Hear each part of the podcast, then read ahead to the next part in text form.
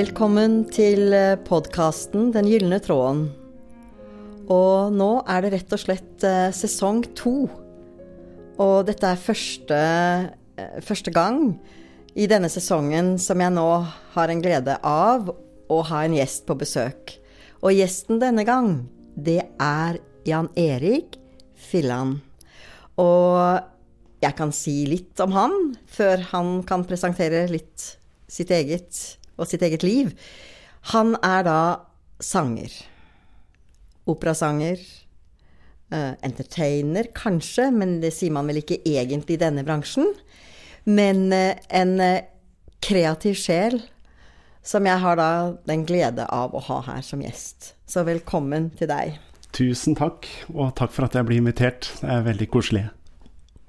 Det er fint at du kunne komme, tenker jeg. Ja. På en vakker eh, solskinnsdag her på Alby. Ja.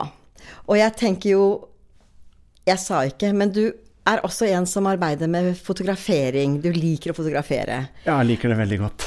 Ja. Ja. Og det har jeg også sett, for jeg har sett på noe av det du har gjort. Men kanskje den kunstveien som du har valgt, og som du har holdt på med veldig lenge, det er da å være sanger. Kan du si litt om din vei dit og Ja. videre? Eh, Jeg starta vel egentlig å synge som eh, allerede veldig liten gutt. Tre-fire år, tenker jeg, som jeg har eh, bilder fra hagen med mors teppebanker. Det var da blitt en gitar. Så det har nok egentlig ligget der for meg hele tida. Eh, Da jeg var eh, ni år, så starta jeg å synge i en talentkonkurranse. Som var et samarbeid mellom eh, Avisa Varden og Busk lydstudio i Telemark. Så jeg var da aleine som eneste gutt med ti jenter. Vi fikk spille inn kassett og reise rundt hver sommer. Fire somre på rad tror jeg var med. Og i 94 så ga jeg ut en plate sammen med søsteren min på det samme plateselskapet.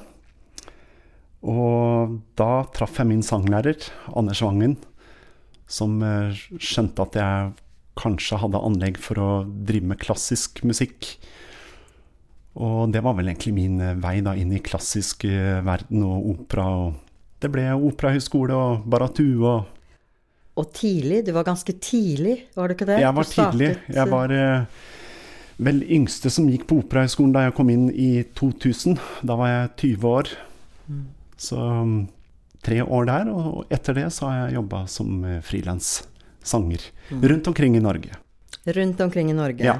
Både i eh, hva skal jeg si, konsertformat, men også i forskjellige oppførelser. Har gjort mest eh, roller, egentlig. Ja. Eh, konsertene har eh, jeg vel egentlig gjort mer av etter at jeg kom inn i stallen til Hanne Krogh. Så jeg var en av de tre tenorene der. Og da, etter det har det jo blitt veldig mange konserter. Så det var egentlig en begynnelse på konsertene var da med Hanne Krogh på turné, Ja, hvor jeg så deg, hørte deg første gang. det stemmer. Ja. Og jeg husker eh, at eh, det var en veldig fin opplevelse å se dere alle. Og du hadde en eh, kvalitet som jeg syns er veldig inspirerende. Jeg følte at du virkelig nådde over rampen, som det heter så fint. Du nådde i hvert fall meg. Ja, det er hyggelig å høre. Ja, og dette med denne, denne flyten, eller det som kan skje i et sånt rom, det er jo noe veldig fascinerende. Jeg vet Ja, ikke om om du kan si noe om det? Jo, det er jo altså den kontakten man får med publikum, som er uh, unik da, hver gang. Uh, kjenner at man kanskje treffer noen med et eller annet litt sånn udefinert. Men at det er en kontakt med publikum som er uh, veldig fin. Og jeg tenker også, det er jo kanskje litt annerledes enn f.eks. da å være i en rolle. Så del gjerne litt om hvilke roller du har hatt, eller er det noen spesiell rolle som du på en måte i opera og operette har brent for? Jeg har gjort veldig mye forskjellig, egentlig. Litt eh, potet, føler jeg, fordi jeg har eh, gjort eh, komiske ting, spilting, lyriske ting. Alfredo i La Traviata likte jeg veldig godt å gjøre. Som har veldig mye av den sårheten i seg, da, som jeg tror treffer meg veldig godt. Eh, melankolien i både musikken og, og typa. Som eh, Jeg vet ikke. Det, det bare treffer meg veldig godt. Det er noe, jeg tenker det er noe spesielt med det du sier nå, at melankolien i det musiske Jeg opplever på en måte at det er noe som åpner litt dypere eh, Hva skal vi kalle det? Dypere kontakt med hjertet, kanskje? Jeg vet ikke. Ja. Men en sånn dybde i dette også. At man får lov å være i en uh, sinnsstemning, da. Ja. Uh, I en annen verden. Og bare være i det. Ikke, ikke ta inn alt mulig annet rundt. Det å være i en annen verden, ja. Ja. Og jeg tenker jo Hva skulle vi ha gjort uten musikk? Ja, si det. Jeg tror uh, livet uten musikk, det hadde vært veldig fattig. Det er musikk i alt vi gjør. Det er veldig sant. Mm. Og jeg tenker da altså ja, musikk i alt vi gjør, og rytmen i musikken, ikke sant. Klangene. Altså det er jo virkelig både vitaliserende og givende og nærende. Mm. Og jeg tenker sånn Ja, når du går inn i en rolle, da, bare for å ta det, da, en av de rollene, eller mange rollene Det må jo være ganske krevende å forberede seg til det. Ja, det er jo en eh, heltidsjobb. Mange tenker kanskje at eh, det er så enkelt å bare gå opp der og bare spille en forestilling i to timer, eller eh, hva den er. Men det er Det ligger liksom så mye bak, da. Forarbeid med fysisk trening, stemmebruk, mentalt. Og gå inn i en annen persons liv, på en måte. Med alt det som er av følelser og ja. Ja, man må tørre å, hente fra, fra seg sjøl, da. Og bruke det i den karakteren. Eh, triste ting, eh, bra, lystige ting. Så når du forbereder deg, så du forbereder deg også før du på en måte tar, tar i bruk scenerommet, gjør du Ja. det? Jeg begynner egentlig eh, ganske tidlig på dagen med ja, god frokost først, og ofte en eh, gåtur eh, i fjell eller skog. Bare for å bli fri da i kroppen. God varm. Kanskje jeg trener for å få opp blodpumpa skikkelig. Elementet av pusten i, i det å skulle være en formidler, ikke minst i sangen. At dette med ja, spenninger, ikke-spenninger altså, Der Ja. er det vel noe. Ja, vi jobber jo hele tida for å ha kontroll på pusten, ikke sant. Og, og kunne gjøre alt det vi skal gjøre på scenen samtidig. Synge, stå på hodet, danse vals. Og så skal det låte like bra hele tida. Så det er jo Det er mange ting som skjer samtidig. En stor prestasjon, faktisk. Det er jo det. på en måte Vi har sammenlignet litt med toppidrett, egentlig. Og jeg tenker det du sa med den altså både mentale forberedelsen, leve seg inn i ja, forskjellige følelsesnyanser, som i seg selv på en måte har en egen rytme. Ja, Det er ganske Det er, ja, det er mye. det er mye. Ja. Og spennende, selvfølgelig. Det er det som er spennende òg, da. At man får lov å, å bruke de følelsene og uttrykka som man kanskje ikke ellers eh, gjør da, i hverdagen. Det er det. Og Og kanskje treffer man noen som sitter i publikum, som får en spesiell opplevelse eller av akkurat det. Det er akkurat det også, og det er jeg veldig opptatt av, for jeg syns det er så fascinerende når det skjer. Den kommunikasjonen da mellom utøver og, og publikum, da. Og når det treffer meg, så kjenner jeg at det, det gjør noe Ja, det er en slags sånn hjerteåpner, kall det det i mangel av noe bedre ord, eller kanskje det er riktig ord. At det åpner, åpner sjelen for noe mer. Ja. Og dette magiske rommet som jo dere som er utøvende, er med på å skape. At man liksom kommer ut av det hverdagslige og inn i noe større, noe mer. Ja. ja, man får lov å stenge verden ute, da. Det er kanskje en flukt fra det livet som skjer utafor teatret. Bare gå inn i en annen verden og sfære. Og oppleve noe annet. Ja, og jeg tenker også dette med musikken som jo på en måte vibrasjon, frekvens. Og jeg tror jo da, i hvert fall for å snakke for meg selv, som publikum i sånne settings, så føler jeg jo at eh, ja, energiene liksom høynes litt. Eh, Det er godfølelse. Man går ut litt rikere, litt mer fylt av noe Ja. som kan ta en videre i, i livet, og nettopp inn i en hverdag. Dette noe større, noe mer. Ja. Og jeg er jo litt spent på dette her Det heter jo, eller vi kaller jo podkasten Den gylne tråden, og den er jo veldig forskjellig for de forskjellige. Mm. Så har du noen tanker rundt hva som måtte være en, den gylne tråden i ditt liv? Jeg tror nok at den gylne tråden i mitt liv må være å få lov å gjøre noe som er kreativt. Enten det er å bygge noe med hendene mine, eller eh, tegne noe, lage musikk, stå på en scene sammen med andre. Jeg tror at det er liksom lykken i livet mitt, å få lov å skape noe. Og den gylne tråden. Og det har vært sånn, forstår jeg, at det er det har du fulgt? Du har fulgt den Ja, jeg har gjort det. Eh, har egentlig altså, jeg har hatt perioder som har vært eh, lite jobb og lite penger. Og, og sånn har jeg alltid kommet til at det er ikke pengene som er eh, drivkrafta for det jeg driver med. Jeg kan godt eh, ha lite penger, men jeg må gjøre noe kreativt. Skape noe. Og da er det kanskje prisen å betale. At man ikke alltid har eh, kjempemasse penger på konto, eller Ja.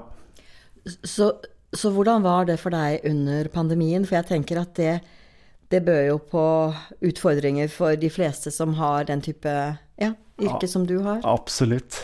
Jeg tror jeg kan si at det har vært eh, de verste åra i mitt liv. Eh, ikke bare for pengene sin del, men å ha barn og familie å, betale for og sånn. Men det å ikke kunne være med å skape noe, og ikke være aktuell med noe, det, det har vært tungt. Hva gjorde du da, når du møtte denne ja, en slags motgang, da? Nei, jeg måtte jo finne på noe å gjøre, da. Så jeg har eh, funnet ut at eh, trening og fysisk eh, utfoldelse er eh, en bra ting for meg å drive med. Så jeg skaffa meg rett og slett et eh, sett med randonee-ski og dro til fjells. Og hadde med kamera og Ja. Da har jeg på en måte vært kreativ og fått trene, da. Likevel. Eh, Kan du si da at det på en måte handler om å fortsette å holde deg i flyten, når Ja. du liksom møtte dette som da på en måte kunne virke veldig stoppende? Ja. Ja. Da må jeg gjøre noe annet da, som er eh, bra for meg. Og bare velge å gjøre det nå, Ja, jeg skjønner. n- når jeg hadde mulighet. Ja. For, for, for hva Det er jo interessant, jeg tenker på, på mennesker som har det ja, det livet som du nå har, da, ikke sant? Eh, hvis du på en måte ja, blir litt hindret, du sier det med trening, men tenker du sånn at det ville, ja, ville det endre sinnsstemningen din eller sinnstilstanden din hvis du nå på en måte, når du ble litt stoppet, eh, altså gjør det deg deprimert eller irritert eller sånne ting? Jeg kan nok eh, veldig fort bli eh, irritert hvis det går for lenge mellom hver gang jeg får lov å utøve det jeg liker aller best. Eh, og da må jeg gjøre noe. Enten det er eh, snekre på hagehuset, eller eh, lage en kopp av trekubb, eller et eller annet. Jeg må gjøre noe kreativt, og føle at jeg har eh, brukt meg sjøl, da. Er det litt sånn som om det står liksom Altså energiene står på en måte og banker litt på, eller Ja, altså, kanskje det ja. er det som skjer. At det mm,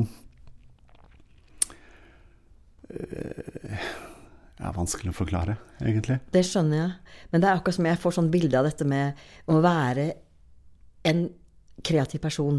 Det er akkurat som man er, åpner jo selvfølgelig helt sånn fysiologisk, så sier vi man åpner for den høyre hjernehalvdelen. Ja. Men at det er akkurat som i det, i det feltet så er det noe mer. Altså den kreative, kall det frøene eller energiene, liksom lever. Og jeg har en sånn følelse av at for de som har det, ja, kall det gave, så er det ganske intenst. Og hvis man ikke på en måte får da utløp for det, så blir det jo oppdemmet noe, ikke sant? ja, kanskje er det som en eh, kjele med lokk på, som eh, Mm. står og, og bobler. Og til slutt så må det bare ut i et eller annet. Ja, Det er nok litt sånn at man har eh, evnene, og hvis man ikke får brukt de evnene, så koker det litt. Begynner å boble. Ja, Ja. ikke sant. Det er jo noen som Jeg tenker det er jo interessant For for deg så har det vært et, en livsvei hele veien. Ja. Uh, og dette, dette noe, er det ja, kall, eller hva, hva vil du kalle det, du? Ja, jeg vet ikke om det er et kall, men uh, har ofte, ofte blitt spurt om uh, hvorfor jeg har liksom valgt operasangeryrket. operasangeryrke. Men jeg føler ikke at jeg egentlig har valgt. Jeg føler mer at jeg har blitt valgt gjennom de evnene jeg har fått. Uh, og da Det er liksom bare blitt sånn. Det var det her jeg, jeg skulle drive med. Og det er noe veldig sterkt det du sier, at du har blitt valgt. For jeg tenker nettopp det å ja, komme i kontakt da med talentet, ikke mm. sant? Og de uh, evnene som, ja, som du har vært gitt, da. Og at det er uh, ja, å være tro, eller være tro mot det, eller ja det er, det er drivfjern, på en måte, da. Ja. ja. Vil du si det? Ja, absolutt. Mm. Mm. Mm. jeg tror jeg bare må, må, drive med det som er kreativt. Mm. Og livet uten det tror jeg hadde vært eh, ganske trist for min del. Mm, det skjønner jeg. Ja. Du har jo også kone og tre barn. Ja. ja. Og jeg tenker eh, Ja, din kreativitet vel, ligger vel også der, tenker jeg da, i livet med dine? Ja.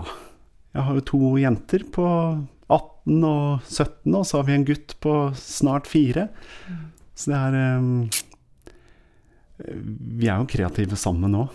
Uh, kanskje ikke så mye de store nå, for de er på vei ut og gjøre sine ting. Men det kan være vi sitter og tegner sammen, eller uh, gjør hyggelige ting som vekker uh, det kreative hos flere av oss. Men det er fint. Det skjønner jeg. Og jeg tenker at så det kreative, hvis man kan si det sånn, det, det, det, er på en måte det som nærer deg, på en måte. Å være i det feltet. Hvis det er sånn at du noen ganger kjenner at Jeg vet ikke om du har det sånn, at du kjenner noen ganger kan det føles at noe er litt flatt eller litt tomt. Jeg vet ikke om du har det sånn noen ganger? Å jo, det har jeg hatt. I, ja. i lengre perioder hvor, jeg, hvor, det har vært lite jobb. Da kan jeg bli sånn uh, flat, som du sier. Uh, tenke at nå er kanskje karriere er slutt eller uh, skal jeg ikke drive med det her mer? Og, men jeg vet jo at det er, det er kanskje bare midlertidig, ikke sant. Da må jeg finne en annen kanal å være kreativ i. Enten det er foto eller ja, håndarbeid eller ja. Så det, du har på en måte skjønt at, det, det er sånn, at du må det på en måte? Eller det, er viktig, ikke sant? Ja, det er veldig viktig for meg. Ja. For å holde meg flytende i, ja. i de periodene. Ja. Du fotograferer også. Ja. Vil du si litt om det? For det er jo interessant. Jeg har jo sett noen av motivene dine. Og, ja, det var egentlig litt tilfeldig sånn det ble til, da. For jeg var i, på Ringsakeroperaen og gjorde La Traviata. Mm. Og en kollega hadde et eh, speilreflekskamera som jeg fikk lov å prøve ut litt. Og fant jo veldig fort ut at det, det var eh, tingen for meg. Å skape bilder i et annet ja, annet format da, enn uh, det å stå på scenen. Så jeg skaffa meg fort et kamera sjøl og knipsa i vei, og de andre fortsatte å gå tur. Jeg ble liggende igjen og fotografere en uh, knust lyspære eller rusten skrue eller Og det har jeg fortsatt med i mange, mange år. Og etter hvert så har det blitt veldig mange bilder. Og en del store trykk som har vært uh, utstilt og solgt, og mm. ja. Mm. Det er blitt en viktig sånn kreativ grønn lunge for meg mm. i perioder hvor jeg har uh, stille, da, mellom forestillinger. Fint det du sa, en grønn lunge. Mm. Så det er det Ja, det er, nær, det er, nærende for deg å nettopp gå inn i det med, med foto også. Ja, veldig. Ja, ja. Så handler det om å ha tid, og ta seg tid til å se. Tror jeg det er så veldig ofte at vi har så høyt tempo, og vi går kanskje samme strekka hver dag til og fra jobb, og tar ikke egentlig inn det vi går forbi. Nei, det er noe der det Og det er noe med å bare ha tida til å være til i øyeblikket og ta inn det som er rundt oss. Fryse et øyeblikk på minnebrikka, det, det liker jeg veldig godt. Og det er fint det du sier, for det å fryse et uh, minne si, Fryse det øyeblikket, da. Og samtidig så har du jo da Sier du noe med å åpne opp for tilstedeværelse i mhm. stunden? Mm. Og det er jo det som så populært kalles, tenker jeg, litt sånn mindfulness. Ja. Å være til stede i, ikke sant? Jeg tror ting går så fort i dagens samfunn at vi egentlig ikke har tid til å kjenne etter hva som egentlig er rundt oss. For det er eh, enten det er musikk på radioen som avbrytes av neste sang før den eh, egentlig er ferdig, og vi zapper videre i TV-program eller eh, ja, blar videre i et bilde på Instagram eller ja. Det. Det går så fort. Og jeg tror at flere har godt av å bare roe tempoet litt og ta inn det som skjer. Det tror jeg også. Og jeg tenker noen ganger når jeg underviser, så pleier jeg å bruke musikken som, som bilde. At uh, en del av dette stresset som vi er i, da, det er som, det er som bare hurtige rytmer. Sånn, bare hurtig sånn Ikke sant? Og at disse lange tonene som jo kommer i kanskje det mer melankolske, musiske som du delte litt til å begynne med, Ja. det kan jeg kjenne gjør veldig godt, ikke sant? Når man kan liksom hvile i dette bakrommet, eller Mm. I det mer i det stille rommet, som jo også åpner for noe mer, tenker jeg. Og så trenger man kanskje begge deler. Høyt tempo og litt lavere tempo av og til for å kjenne at det også er godt. Hvis alt er likt, så vil jo ikke noe stå ut som noe spesielt, da. Den følelsen. Det er helt sant. Mm. Det er virkelig sant. Og jeg tenker da nettopp igjen dette med musikken. Jeg tenker at hvis, eh, hvis det er dager hvor jeg eh, nettopp føler meg litt flat, og jeg liker jo da å ja, danse og bevege meg, da er det klart, da er det jo kanskje Gypsy King eller noe som virkelig Ja. på en måte driver liksom opp energien eller blodet, da, eller hva Ja. jeg skal si. Og de gangene hvor jeg virkelig føler trang til å bare lytte inn og lande inn. Mm. Så musikken har jo så ufattelig mange fine elementer. Den har det, og den er med i alt. Eh, Alle sin, sinnsstemninger eh, i livet. Det er det. Enten man er glad eller trist, så er det ofte musikk da som er eh, Ja, det passer til alt. Det, det gjør det virkelig. Og jeg tror sånn, siden vi jo nå har denne tittelen Jeg tror eh, at det å, og det å åpne for musikk har vært en av de gylne trådene i Altså lytte til, eller ja, danse til, eller beveges til, har nok vært en av de det jeg kan se i mitt liv som en sånn type gyllen tråd. Ja. Uh, nettopp fordi de har alle disse aspektene mm. av følelser, rett og slett. Og jeg tenker det å Ja, man kan jo bli dypt berørt, ikke sant, og forløst i, i, i det musiske også. Så ja. Mm. Har du noen um, Hva skal jeg si? For jeg vet jo at du, du er jo utdannet operasanger, men du har jo kanskje også interesse for andre typer sang? Ja, jeg begynte jo med popmusikk. Det var det som var eh, liksom starten på min uh, musikalske reise, om å kalle det det. Eh, og lenge i, etter at jeg hadde gått ferdig i Operahøgskolen, så var jeg på en måte veldig sånn Det er klassisk, klassisk, klassisk som gjelder. Veldig opptatt av uh, musikkpolitiet, som vi kalte det. At man ikke fikk lov å gjøre den type sjanger eller sånn musikk. Um, men seinere åra, etter at jeg begynte å jobbe med Hanne Krogh, egentlig, så har jeg vært mer åpen for å gjøre mer av de sjangerne som gjorde at jeg begynte med musikk. Eh, Det som ga meg glede med musikk, som ikke bare var eh, jobbrelatert på et vis. Så, så lenge musikken er god, og så lenge det er eh, godt å gjøre det, så tenker jeg at det, alt er lov. Ja, for det er klart at det har vel vært sånn i ja, Jeg husker jeg snakket med Kåre Conradi, han var vår siste gjest i eh, sesong én.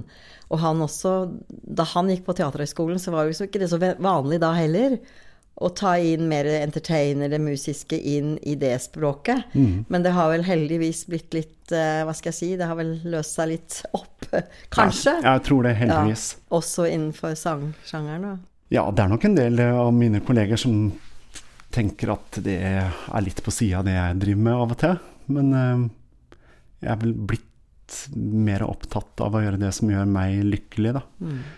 Og føle meg fri til å gjøre mine prosjekt med popmusikk, prøve å skrive litt sjøl. Mm.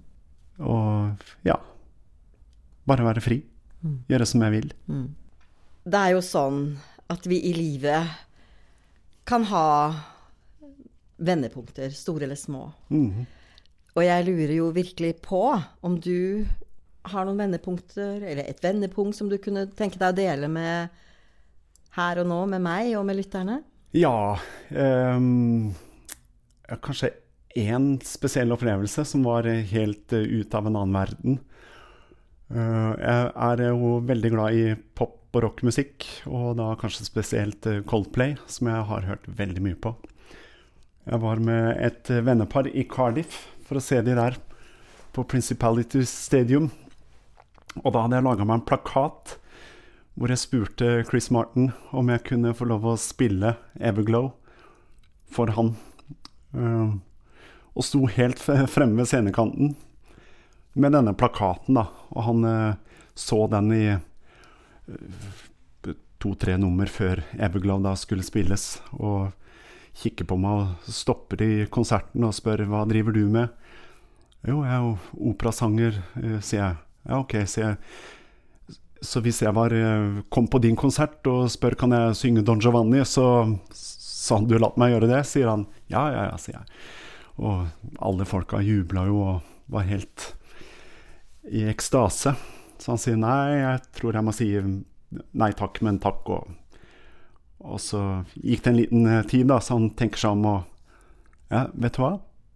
Fuck it, sa han. Kom opp her hvis du vil spille med meg, sa han. Så jeg ble jo da tatt opp på scenen og sitter jo da midt i stadion og begynner å spille introen til denne sangen, da, 'Everglow'.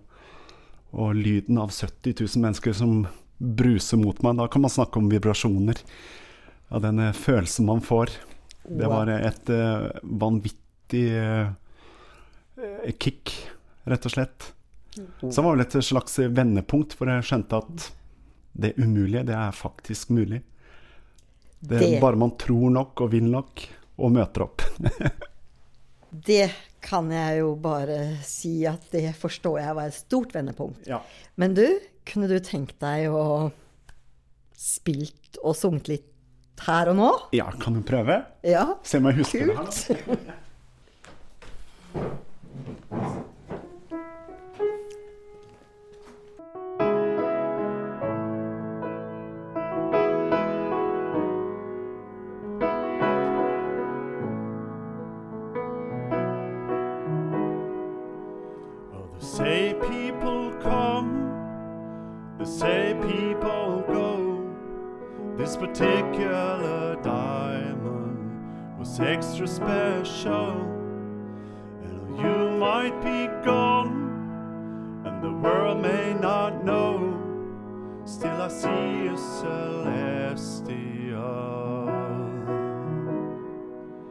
And I should, but I can't let you go.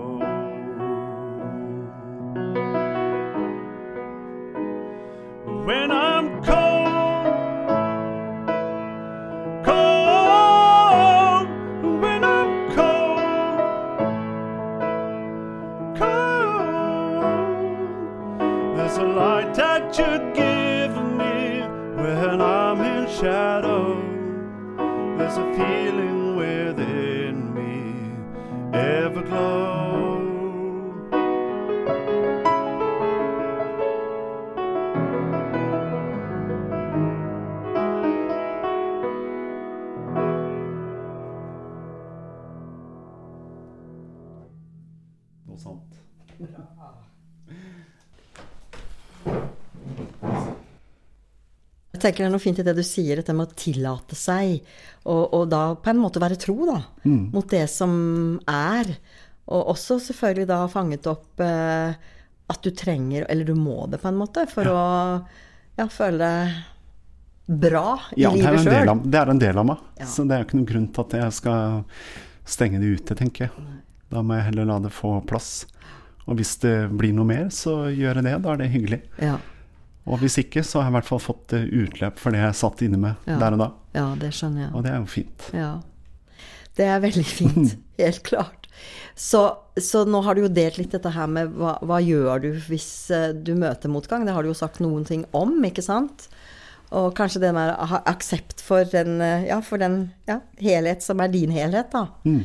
Og jeg har jo da også et lite spørsmål om ja, Har du noen opplevelse at det fins noe mer, da? Utenom eh, den fysiske dimensjonen, det har du selvfølgelig når du jobber sånn som du gjør, men ja, fins det en eh, høyere frekvens, en eh, intelligens bak det fysiske? Jeg tror helt klart at det finnes mer mellom himmel og jord enn det vi bare ser. Mm. Det gjør jeg. Mm. Ja. ja. Det er, eller det, det føles sånn. Jeg tenker jo ofte at uh, ja, dette kunstneriske eller den kreative åren også har en ja, det er i hvert fall en, en veldig nærm, tilnærmet det mer spirituelle rommet, da, mm. tenker jeg. Vi er nok veldig åpne typer, ja. tror jeg. Ja, ikke sant. Fordi jeg tenker jo også dette med ja, hva er inspirasjon, ikke sant? Altså, hva er egentlig det? Hva er det? Intuisjon, inspirasjon. Det er jo på en måte akkurat som noe åpnes, og så tar man det inn, eller mm. man lar seg bevege, eller glede, eller Ja, ikke sant? Ja. Mm. Og dette med Jeg tenker jo Jeg er litt sånn opptatt av dette med gløden. Altså passion. Nå, mens vi er her på jorden, så ja. må vi jo ha litt glød og passion, eh, tenker jeg. Fordi det er jo noe som får oss til å føle oss levende, eller tenker du ikke det? Du ja, absolutt. Ja.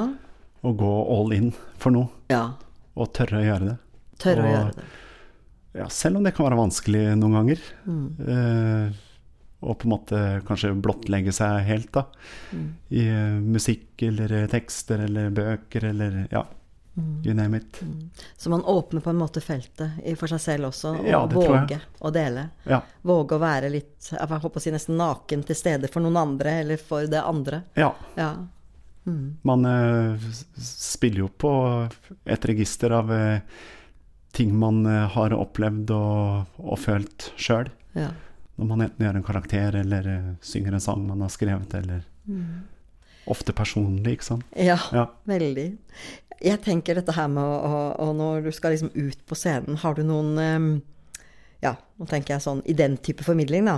Har du noen små for deg selv ritualer, eller noe du gjør, eller en puste Altså, har du noen sånne ting, eller? Som du. Hvordan forbereder du deg rett før du går ut? Å, det er ofte en peptalk med kollegene, rett og slett. Ja.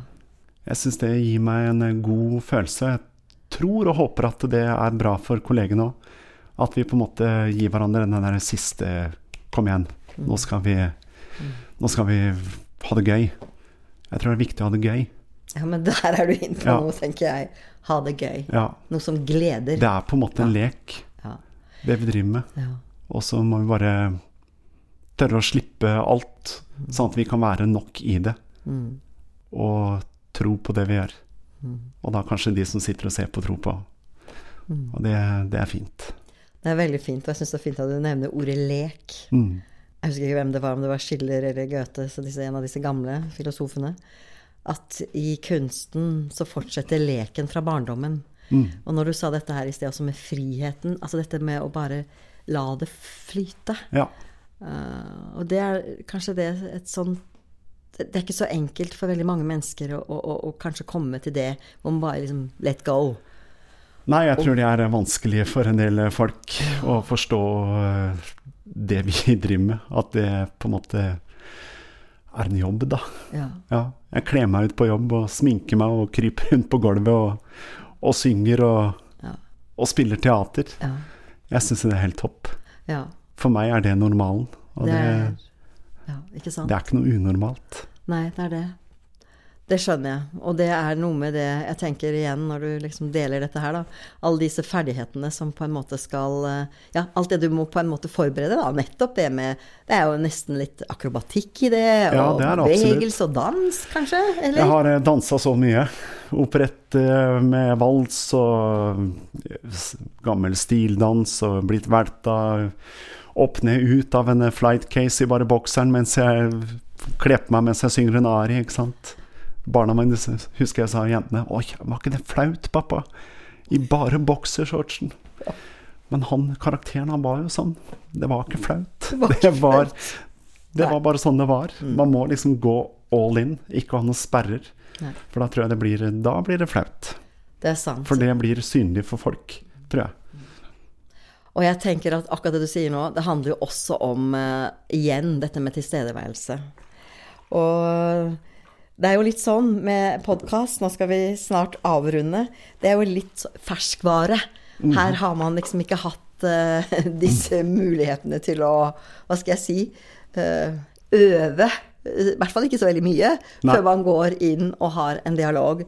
Og jeg syns det har vært veldig, veldig veldig fint å ha deg som gjest her, Jan Erik. Ja, takk. Det har vært veldig hyggelig å være her òg. Uvant i en sånn setting, men det er veldig hyggelig. Ja. Og det er jeg veldig glad for at du sa ja til.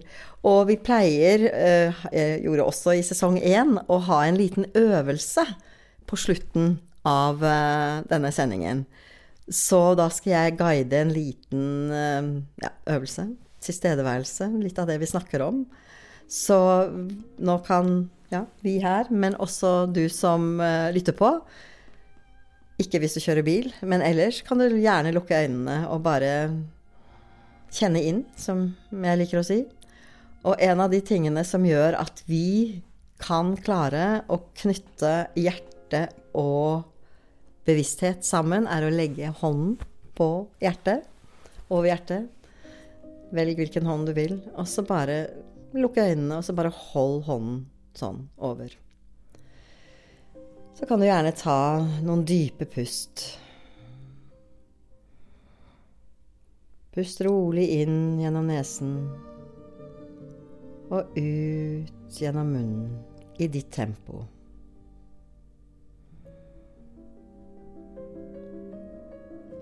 Pust bare rolig inn. Du kan gjerne telle fra én og oppover på innpust. Og det samme på utpust. Starte på én og bare puste ut. Tillat deg til å være bare her og nå, i stunden.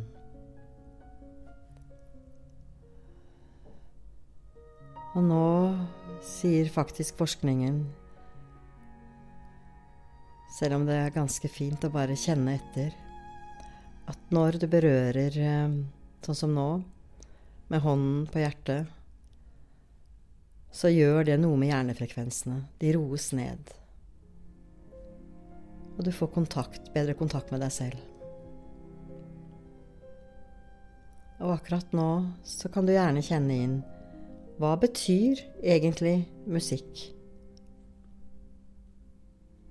for deg? Og når du spør, så hva betyr musikk for meg? Hva betyr kunst for meg? Hva betyr det kreative? Har jeg mulighet til å åpne mine egne kanaler for mer av det? Natur, kreativitet, som jo nærer oss uansett. Hvis vi klarer å treffe den nerven i oss selv.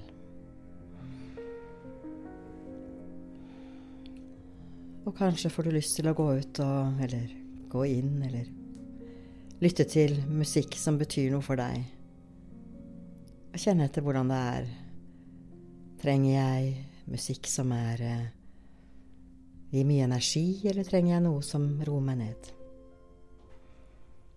Og med det så vil jeg takke for stunden og avrunde denne episoden.